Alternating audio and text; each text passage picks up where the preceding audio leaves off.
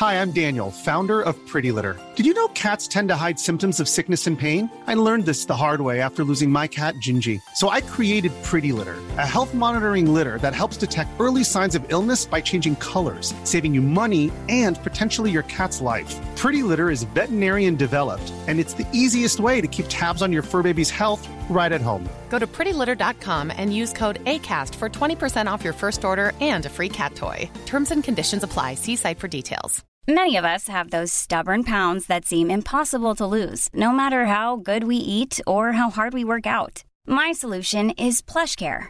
PlushCare is a leading telehealth provider with doctors who are there for you day and night to partner with you in your weight loss journey. They can prescribe FDA-approved weight loss medications like Wagovi and Zepbound for those who qualify. Plus, they accept most insurance plans. To get started, visit plushcare.com slash weight loss. That's plushcare.com slash weight loss. I'm Sandra, and I'm just the professional your small business was looking for. But you didn't hire me because you didn't use LinkedIn jobs. LinkedIn has professionals you can't find anywhere else, including those who aren't actively looking for a new job, but might be open to the perfect role, like me.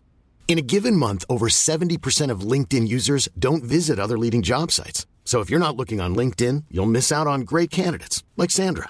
Start hiring professionals like a professional. Post your free job on linkedin.com/people slash people today.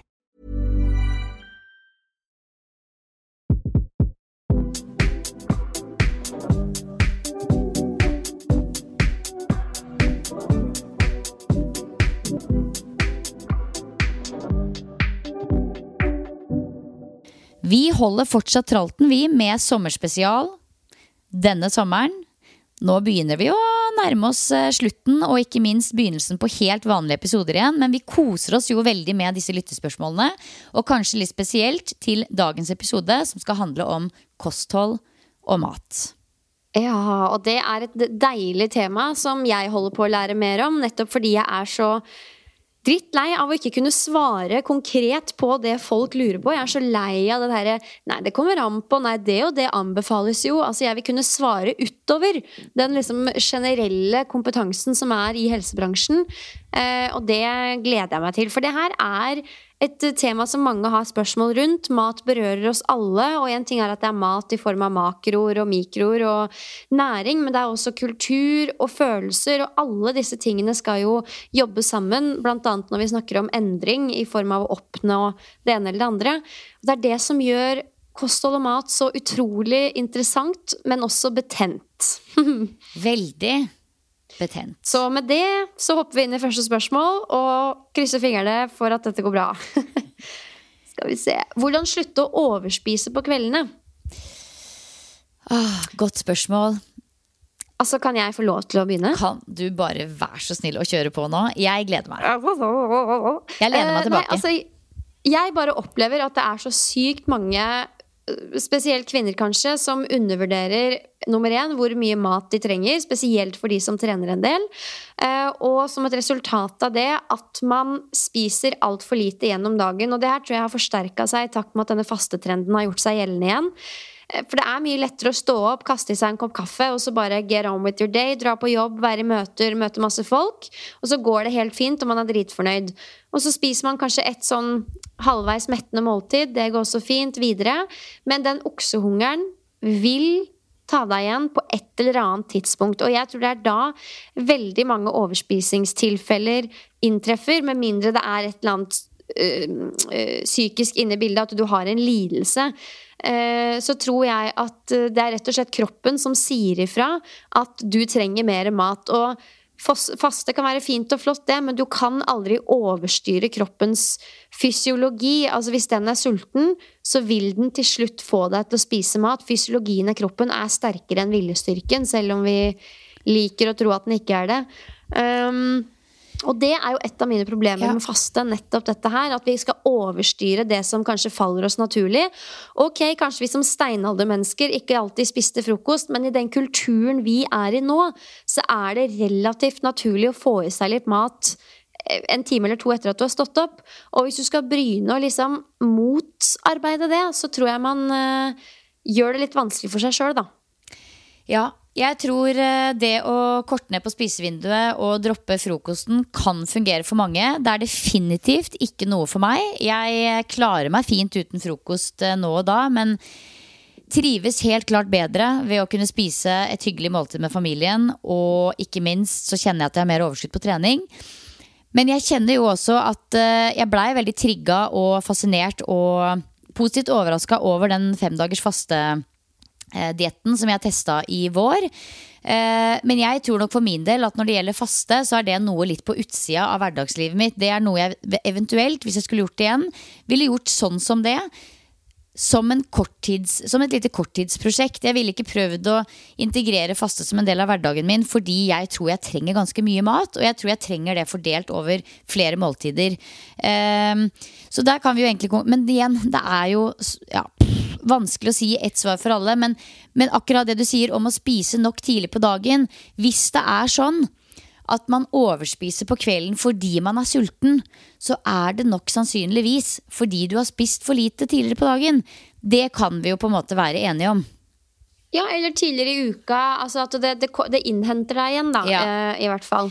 Men, og men det er må... det som er Ja, fortsett. Nei, Det er jo det som er kunsten når man ønsker å hjelpe noen til å ligge i et underskudd over tid. At det underskuddet er såpass lite at man, unngår de der massive oksehungerne som vil sabotere for deg. Det skal være såpass gjennomførbart at du skal velge de rette matvarene. Dere vil et stort volum, men lite kalorier. Sånn at du klarer å ligge i det underskuddet som trengs for å gå ned i fett. Men du klarer ikke å gjøre det ved å liksom underspise med 700-800 kalorier eh, over flere dager og forvente at det ikke må tas igjen på et eller annet tidspunkt. I hvert fall ikke hvis du kombinerer det med mye hard trening. Da. Men ja, ja så nå har vi jo på en måte vært innom det, og det er jo kanskje det aller viktigste for sagt også. Spis nok tidligere på dagen. Men hvis det er sånn at overspisingen er mer et, et problem i forhold til at du, du, er egentlig ikke sulten, men du bare overspiser eh, for å enten døyve følelser eller som en rett og slett en dårlig vane, da er det jo mer komplekst. Men noe det går an å prøve på, er jo da eventuelt å sant, bytte ut, kall det en dårlig gåstein vane, med eh, en annen. F.eks. å bytte ut snacks og store måltider som du kanskje ikke har behov for fordi du allerede er mett, med f.eks. frukt, en kopp te eller noen knekkebrød med næringsrikt eh, pålegg. For det er, det er ikke sånn at du overspiser for det om du spiser frukt eller knekkebrød på kvelden. Hvis noen føler at de gjør det, da må man liksom omstrukturere tankesettet sitt litt. Eh, for det er bare å spise kveldsmat, for å si det sånn.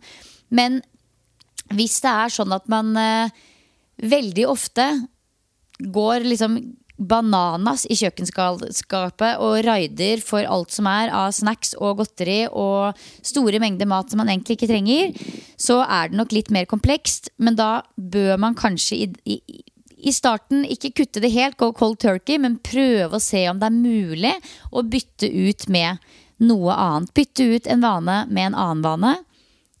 Te, frukt, knekkebrød, Næringsrik pålegg ja. osv. Og, og prøve å kjenne etter hva altså Jeg kunne være veldig sånn, spesielt når jeg kom fra Oslo, så da hadde jeg ofte hatt en lang dag på farta, båret masse, gått hit og dit, og jeg hadde ikke, kanskje ikke rukket å spise så mye. Og da var det akkurat som at for å roe meg ned, så trengte jeg å spise liksom masse. Og det er ikke nødvendigvis noe gærent i det, men det var nok også litt det at jeg brukte mat som et verktøy for å liksom lande hjemme, finne ro, var litt stressa. Eh, så det tenker gjennom litt hvilke følelser som ligger bak. Og i så måte så tenker jeg jo at f.eks. en sånn femdagers faste som du gjennomførte, Silje, kan være nyttig på den måten at eh, da har du ikke noe valg. Da må du bare spise det som er satt opp. Og da må du automatisk møte noen følelser med noe annet enn mat. Jeg testa jo også den fasten, eh, men eh, jeg brøyt natt til dag fem. Men det jeg opplevde til da, var at jeg Ja, det var liksom mat var bare mat. Det var sånn da spiser jeg bare det som står på planen. Og hvis jeg kjeda meg, ble stressa, var lei meg, så måtte jeg liksom ja, takle det på en annen måte. Du kan ikke distrahere deg selv med nettopp mat, da. Og det, da kan det være nyttig.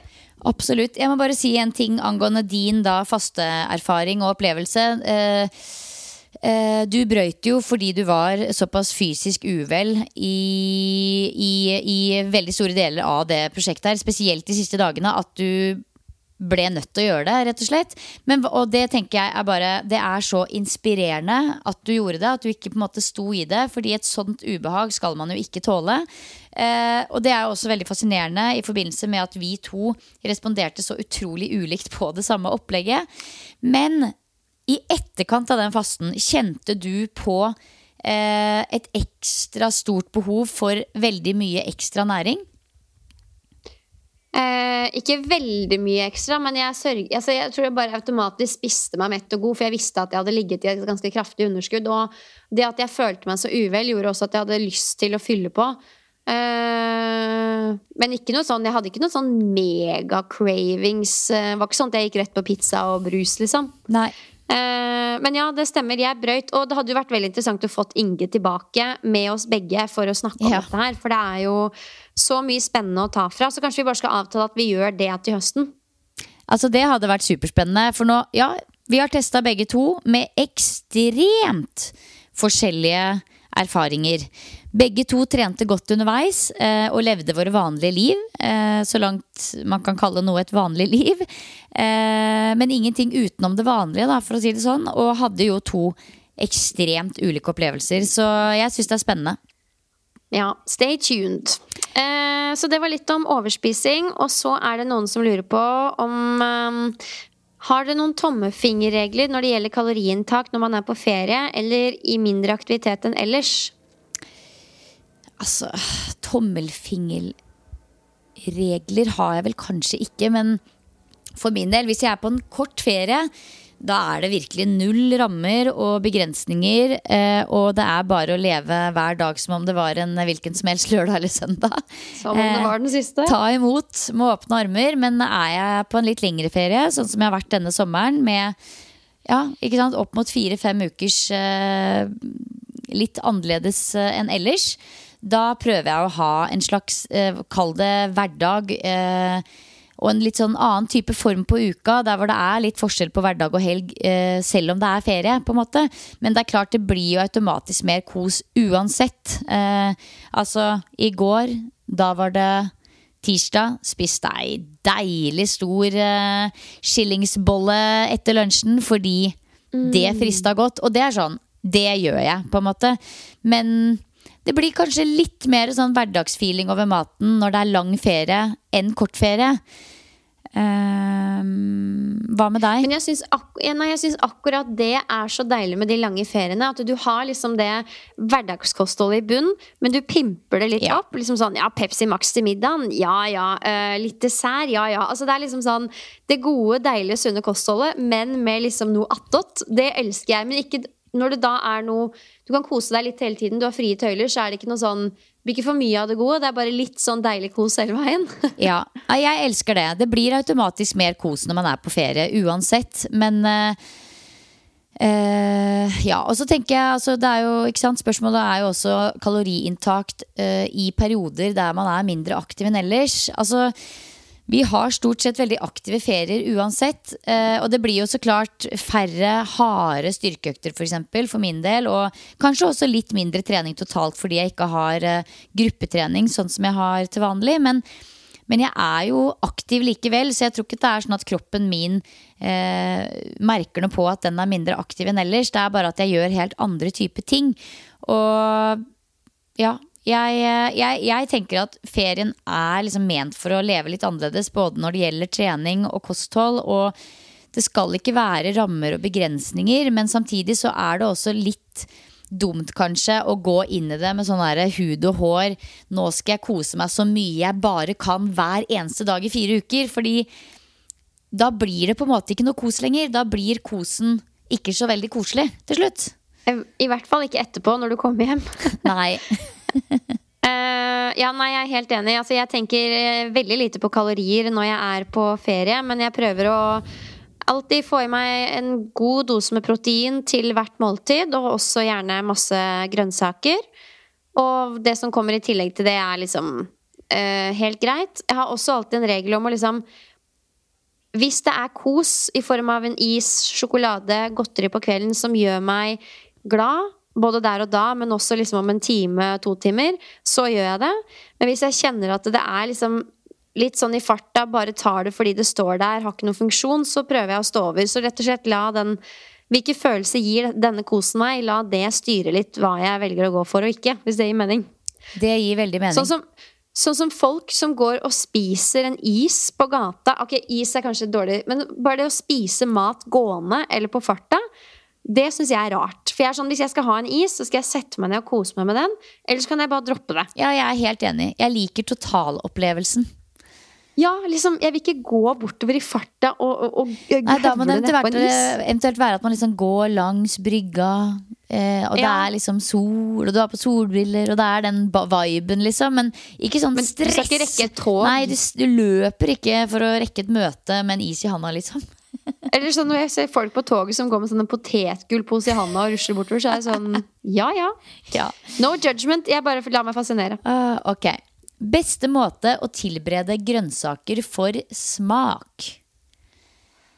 Uh, nei, gud, her har vel du mest å stille opp med, Silje. Jeg føler jo salt og olje goes a long way, pluss diverse kryddere. Eh, og eller en god dressing. Helt Det er enig. det jeg har å svare. Mm. Altså, det er jo litt sånn at grønnsaker Noe grønnsaker har veldig mye god, digg smak. Andre grønnsaker smaker nesten ingenting.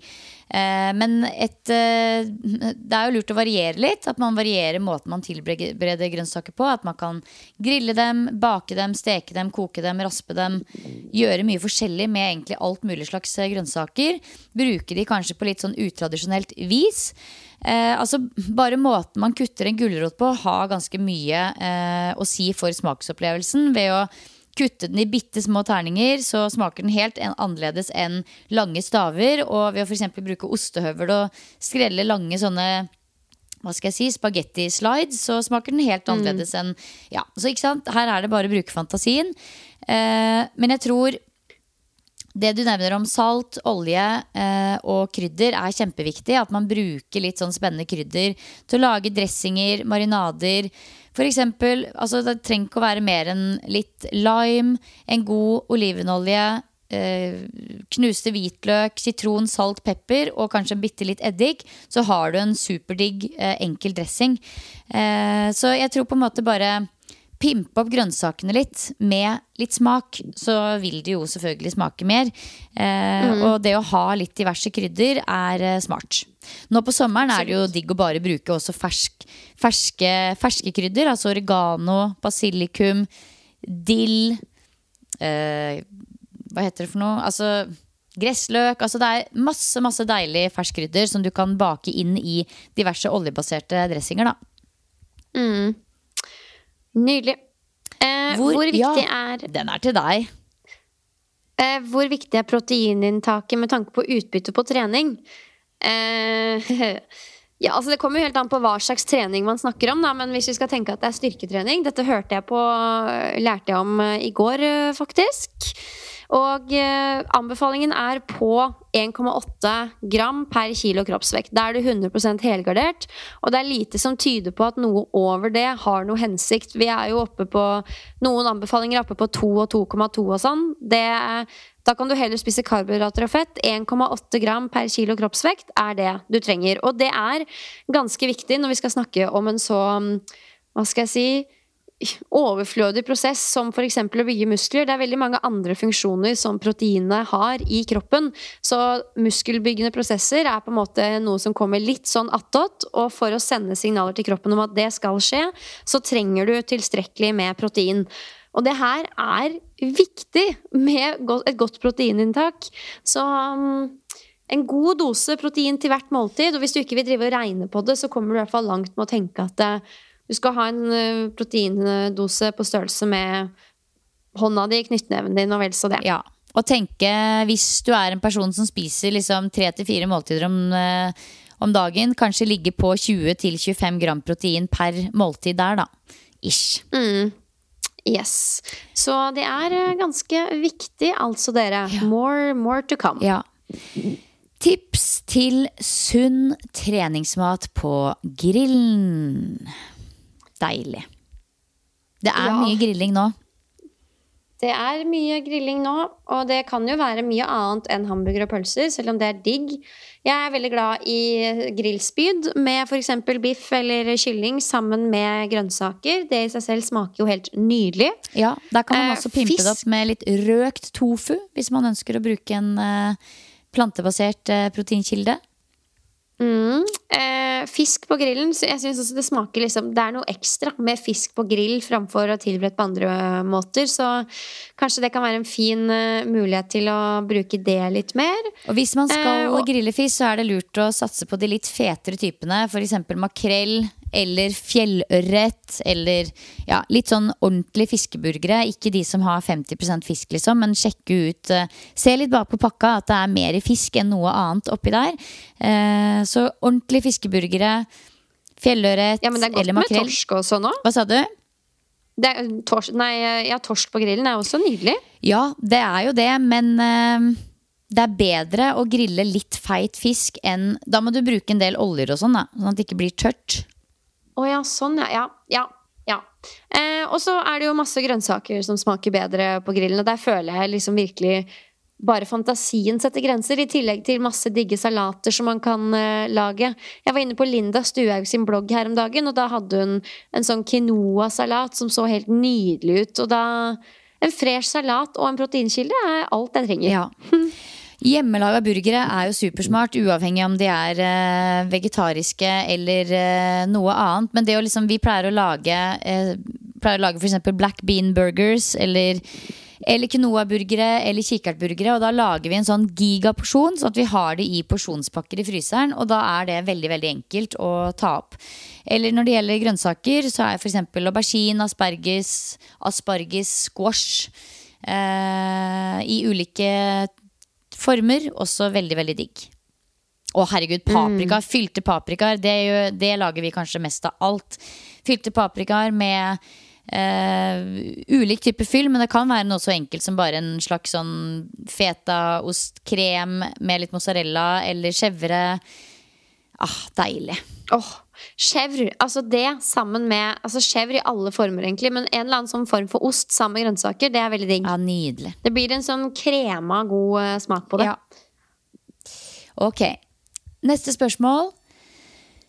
Hva er mett nok?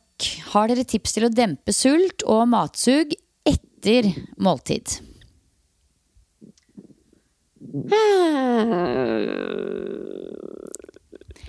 Ja, altså altså tenk... dempes Ja. sult og matsug etter et måltid. Da tenker jeg at du må spise mer hvis du er sulten etter at du har spist Ja. mat. på en måte Ja, så tenker jeg også, Hvor lenge etter er du sulten? Hvis du er på en måte sulten en halvtime etterpå, det kan jeg også kjenne på noen ganger. At det er sånn, åh, jeg er jo fortsatt sulten. Og så etter 45 minutter så bare oi, jeg var visst veldig god og mett, ja. Det tar jo litt tid før hjernen eh, får signalet om at eh, nå er du mett. Så man må jo være litt tålmodig, kanskje.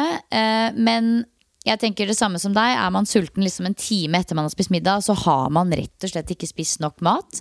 Eh, og da er det igjen, da, hva er det du har eh, på tallerkenen din? Det bør som du har vært inne på, være en god eh, proteinkilde. Det metter.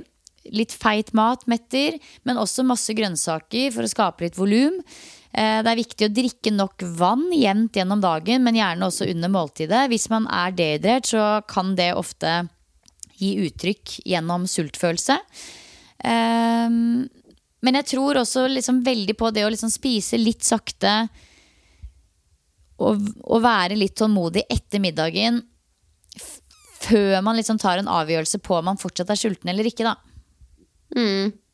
Enig. Og så er det jo ingenting i veien for å unne seg f.eks. et knekk med mørk sjokolade eller frukt. Altså noe søtt som på en måte avslutter måltidet on a good note, og vite at det legger du inn for å møte det lille søtsuget som du vet kommer.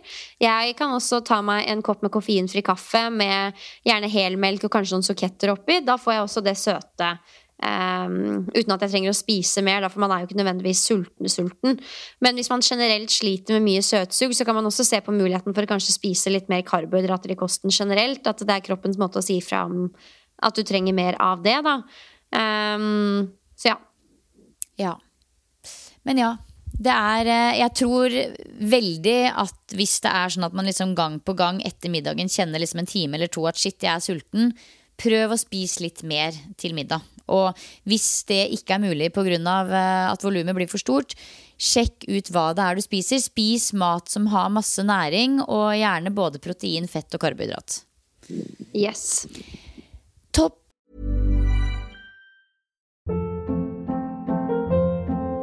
Hold up. What was that? Boring. No flavor. That was as bad as those leftovers you ate all week. Kiki Palmer here, and it's time to say hello to something fresh and guilt-free. Hello Fresh. Jazz up dinner with pecan-crusted chicken or garlic butter shrimp scampi. Now that's music to my mouth. Hello Fresh. Let's get this dinner party started. Discover all the delicious possibilities at hellofresh.com. Quality sleep is essential. That's why the Sleep Number Smart Bed is designed for your ever evolving sleep needs. Need a bed that's firmer or softer on either side? Helps you sleep at a comfortable temperature? Sleep Number Smart Beds let you individualize your comfort so you sleep better together. JD Power ranks Sleep Number number 1 in customer satisfaction with mattresses purchased in-store. And now, save 50% on the Sleep Number limited edition Smart Bed for a limited time. For JD Power 2023 award information, visit jdpower.com/awards. Only at a Sleep Number store or sleepnumber.com. Millions of people have lost weight with personalized plans from Noom, like Evan, who can't stand salads and still lost 50 pounds. Salads, generally, for most people, are the easy button, right? For me, that wasn't an option. I never really was a salad guy. That's just not who I am. But Noom worked for me. Get your personalized plan today at Noom.com. Real Noom user compensated to provide their story. In four weeks, the typical Noom user can expect to lose one to two pounds per week. Individual results may vary. Tre favoritt-sommermiddager. Uh, da må jeg si reker. Er jeg veldig glad i. Også en eller annen form for grillings. Det er jo det det går mye i. Oh, og så har jeg og kjæresten eh, noen ganger laget pizza på grillen. Altså kjøper sånn ordentlig deig som vi lager. Um, kjøper ordentlig deig som vi lager. Altså baker, lager en deig sjøl. Og lager sånne ulike pizzaer. Hvite pizzaer. Ja. og sånn. Det er også sykt digg. Det gjør vi også veldig mye på sommeren. Pizza på Mm. grillen. Men eh, vi er også veldig på salatkjør om dagen. Elsker liksom alle mulige salater. Og spesielt litt sånn hvis vi har tenkt å eh, eksempel gjøre noe på ettermiddagen. Ta med oss maten ut på et vis. Da. Det å lage en litt sånn digg krema pastasalat. Eller en god salat med litt sånn bakt søtpotet, grønnkål, quinoa, bønner, fetaost. Bare mikse alt sammen. Eh, jeg er også veldig glad i gresk salat som tilbehør mer. Eh, og ungene elsker caprese-salat, men det blir jo også litt mer som tilbehør.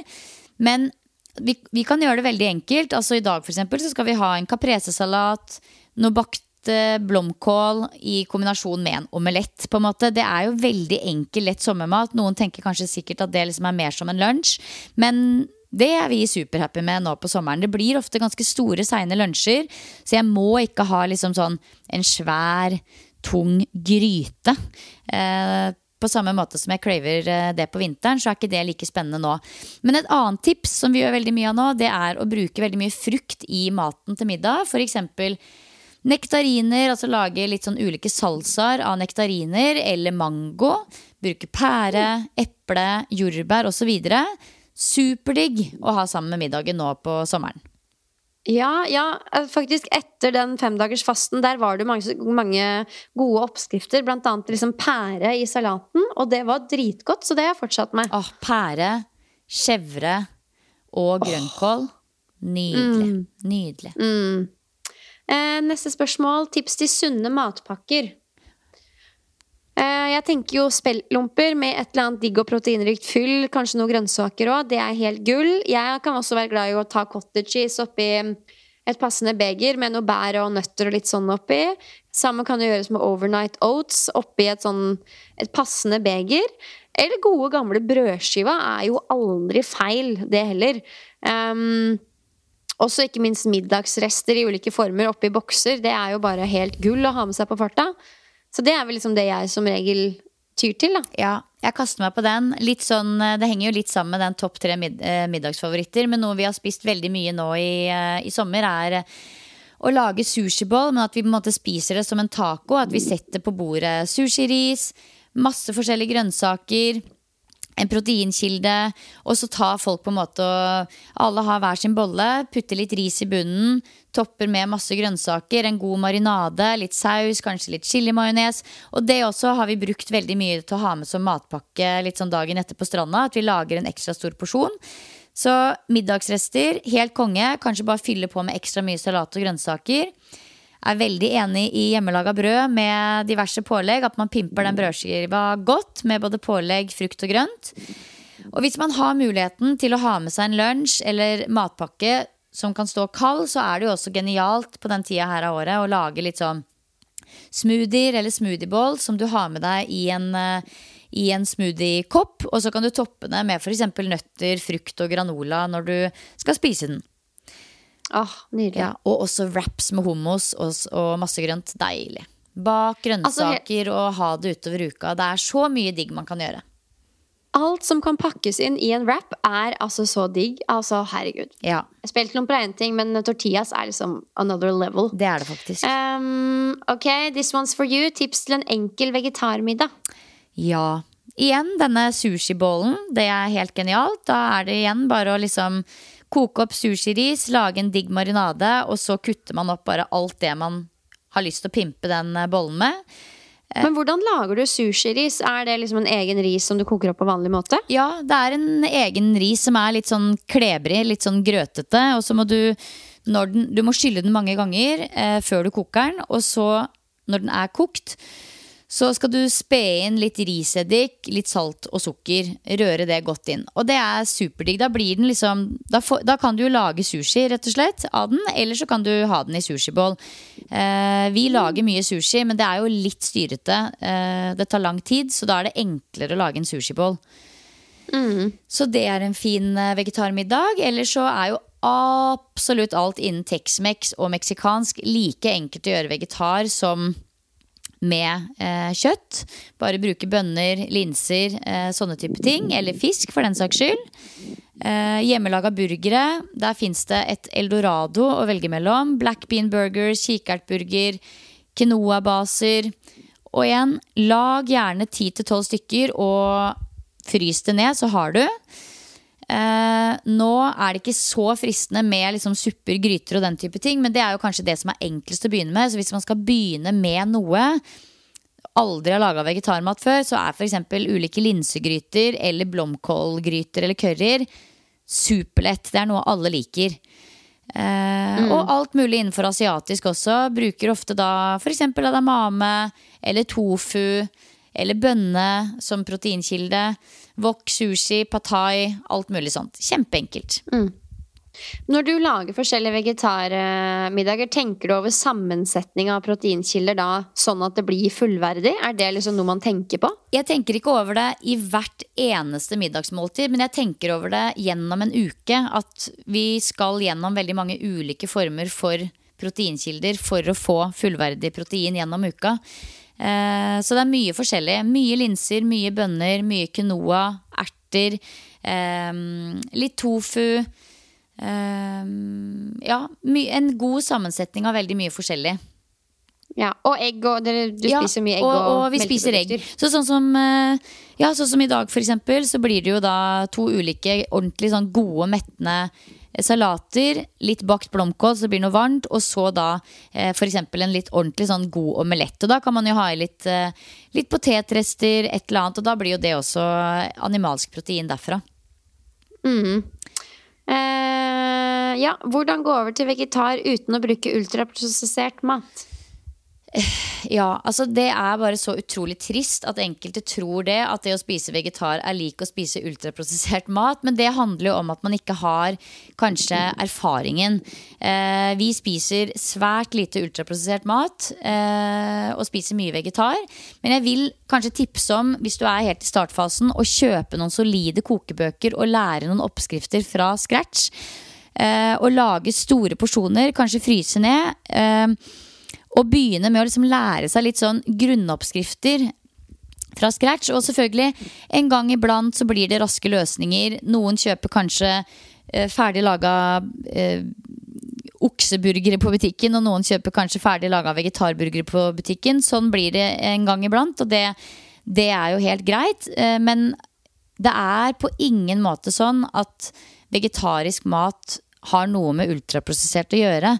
Jeg tror på en måte det bare handler om at man da ikke helt vet hvor man skal begynne. For alt det som er ultraprosessert på butikken, det kan du lage fra scratch hjemme. Og det er minst like enkelt. Så, Ja, men det er det jo ikke alltid, da. Men det er absolutt gjennomførbart. det er veldig enkelt. Veldig Ja. enkelt. Men du må, du må jo Du liksom må kunne det, så kjøp noen kokebøker. Eh, og jeg tror ha, altså Det er kanskje litt sånn diverse krydder og sånn som skaper litt mer smak, som er lurt å ha hjemme. Eh, vi bruker jo mye krydder i maten, men jeg vet ikke om vi bruker noe mer krydder enn folk som spiser kjøtt. på en måte altså, Det er jo ikke noe sånn at kjøtt er noen smaksopplevelse i seg selv, akkurat. Eh, Nei, nei. Det må jo krydres, Og, det og òg. jeg tenker sånn, Spiser man taco og bruker det krydderet man kjøper på butikken, så spiser man jo ultraprosessert taco, selv om det er kjøtt. Så Ja. det er jo noe med det også at jeg tror jo egentlig ganske mange som spiser kjøtt, også spiser ultraprosessert uten å egentlig tenke, seg, tenke så mye eh, rundt det, da. Mm.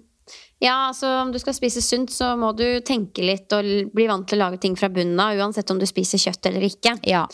Men øh, ja, matindustrien ser jo sitt snitt til å lage produkter som tilfredsstiller behovet til vegetarianere også. Ja, det er jo fint at det, Det er den veldig bra, er men det man kan tenke da, er at idet man ser et vegetarprodukt på butikken, så kan du tenke Oi, det var lurt. Hvordan kan jeg lage det hjemme? Om det så er en vegetarburger, burger, eh, om det er eh, kyllingnuggets eh, Altså alt det som du ser de kommer med av vegetarprodukter i sånn den fastfood-hylla og i eh, kjøle, kjøledisken, det kan du også fint lage hjemme, da. Jeg, jeg må tipse om Hanne Lenes vegetar, spesielt kokebok nummer to. Der er det veldig mye enkle, basic oppskrifter. Jeg har alle tre bøkene. Eh, men nummer to er en veldig fin sånn start for folk som ønsker litt sånn grunnoppskrifter for å lære seg vegetar. Eh, tips eh, til strategier for å kose seg med snacks uten dårlig samvittighet. Altså, jeg tenker jo bare at alle fortjener å kose seg. Ja. Så langt det ikke blir kos hele tida, for da er det jo ikke kos lenger. Litt sånn som vi var inne på. Men, eh, men så tenker jeg jo også at det å liksom se på Ah. Jeg, jeg tror veldig mange kan, kan få dårlig samvittighet i løpet av en lang sommerferie når man har kost seg litt for mye. Og det er jo Altså, den dårlige samvittigheten vår ha, har et formål. Det høres litt hardt ut å si, men det er en Det er jo Det er ikke sånn at man skal få dårlig liksom, hver gang du får dårlig samvittighet, så er det jo noen som prøver å fortelle deg noe. Og så må, må man liksom kanskje undersøke litt om det er verdt å ta hensyn til det eller ikke. Men det å kose seg med litt sånn ekstra kosete mat eh, innimellom, det er en del av livet, tenker jeg. Livet er for kort å ikke gjøre det.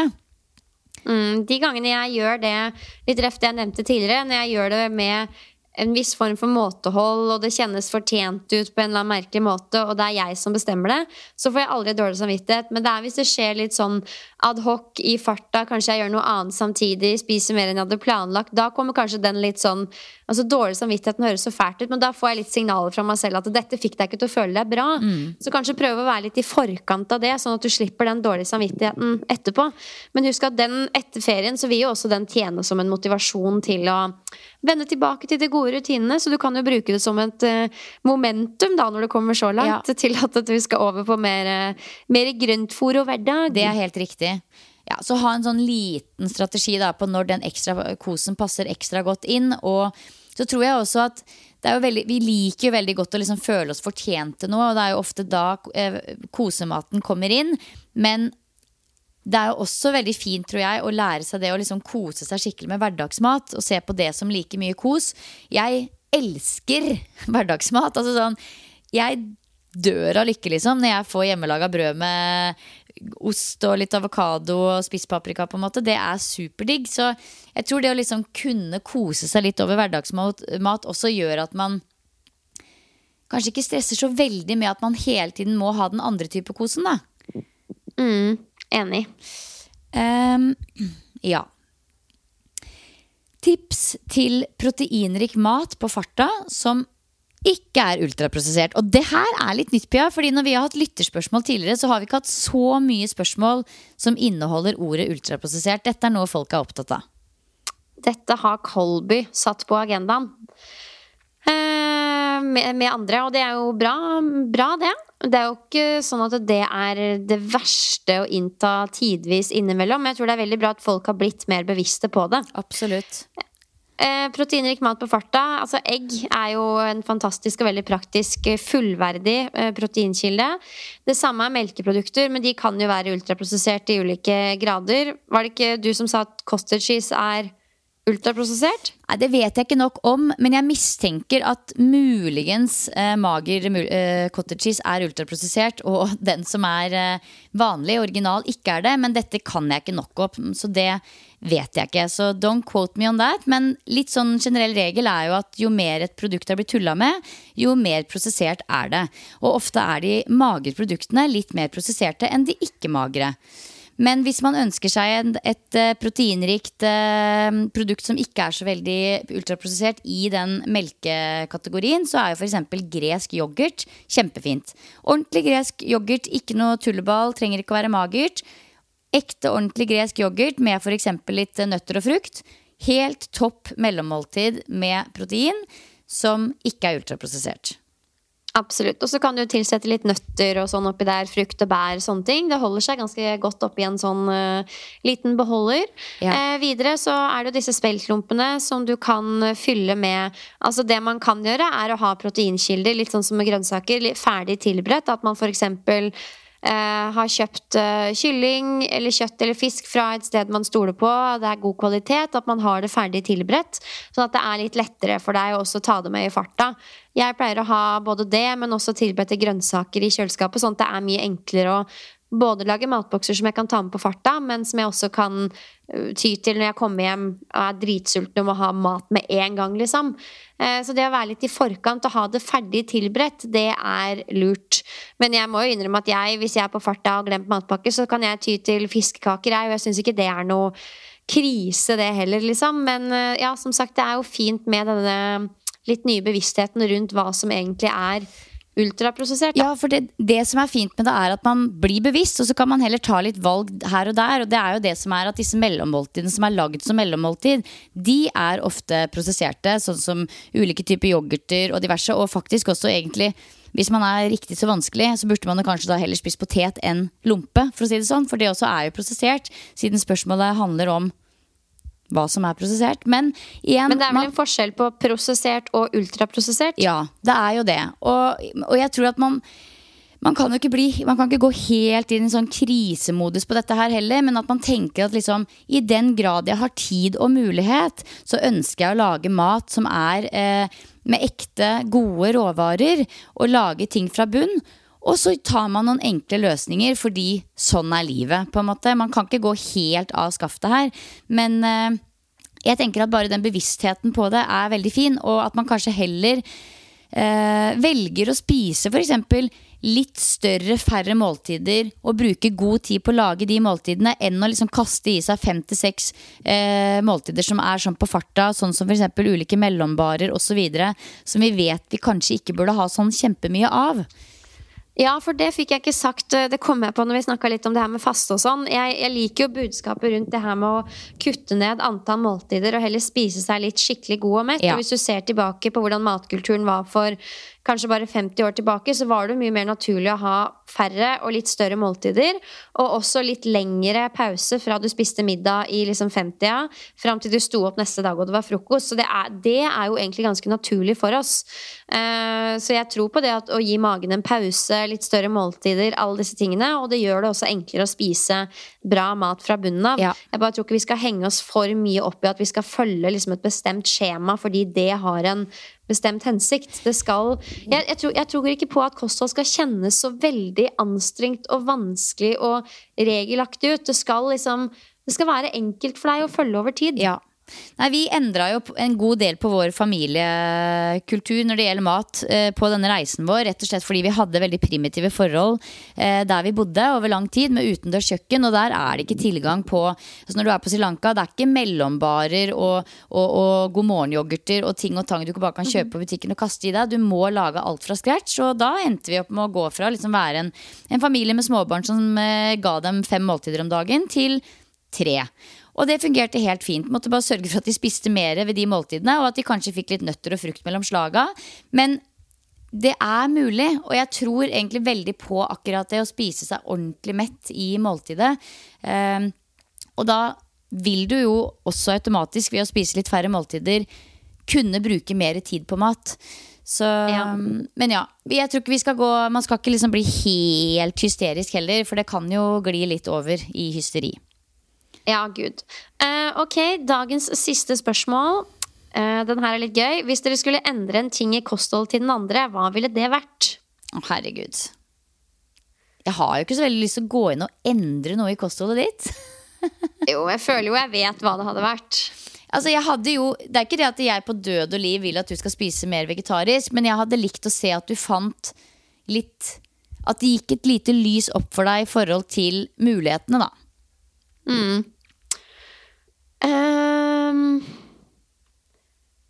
altså, jeg har jo ikke lyst til å endre noe som helst i kostholdet ditt. Jeg føler at du nailer det 100% Og selv om jeg selv velger å spise animalske proteinkilder, så Men det gjør jo jeg òg, du... Pia. Jeg spiser jo animalske proteinkilder hver eneste dag.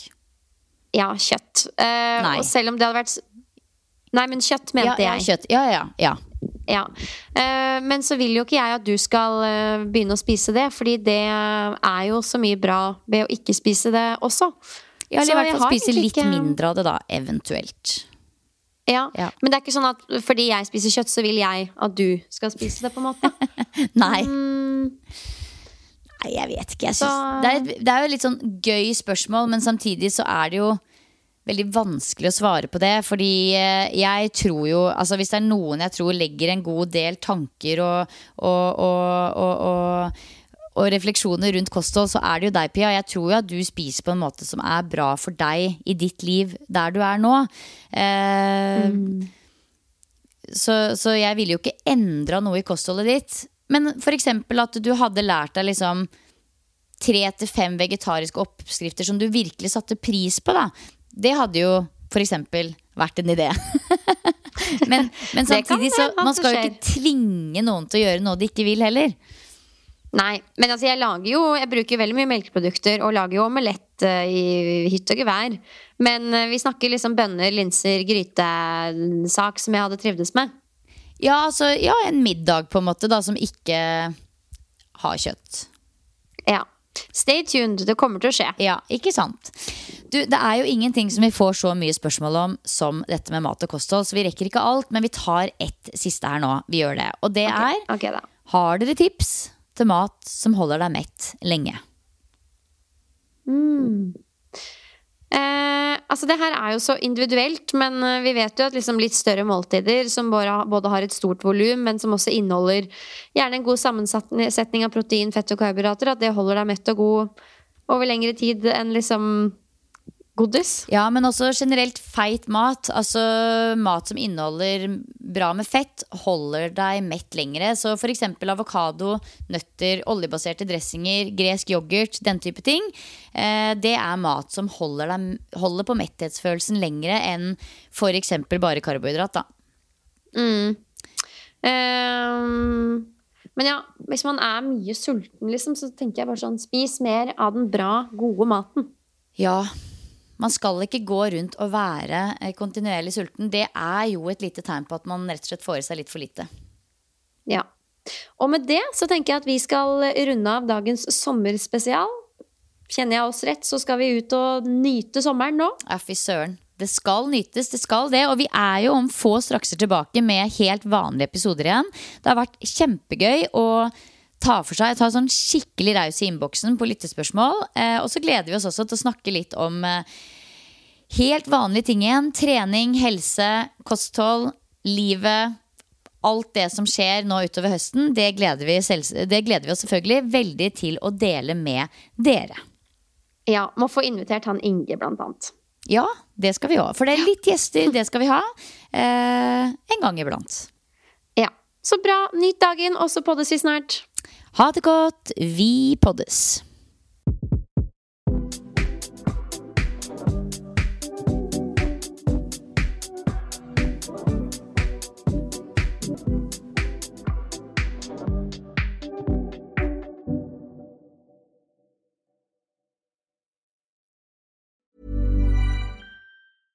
Imagine the softest sheets you've ever felt. Now imagine them getting even softer over time. That's what you'll feel with Bowl and Branch's organic cotton sheets. In a recent customer survey, 96% replied that Bowl and Branch sheets get softer with every wash. Start getting your best night's sleep in these sheets that get softer and softer for years to come. Try their sheets with a 30-night guarantee. Plus, get 15% off your first order at bowlandbranch.com. Code BUTTERY. Exclusions apply. See site for details. Planning for your next trip?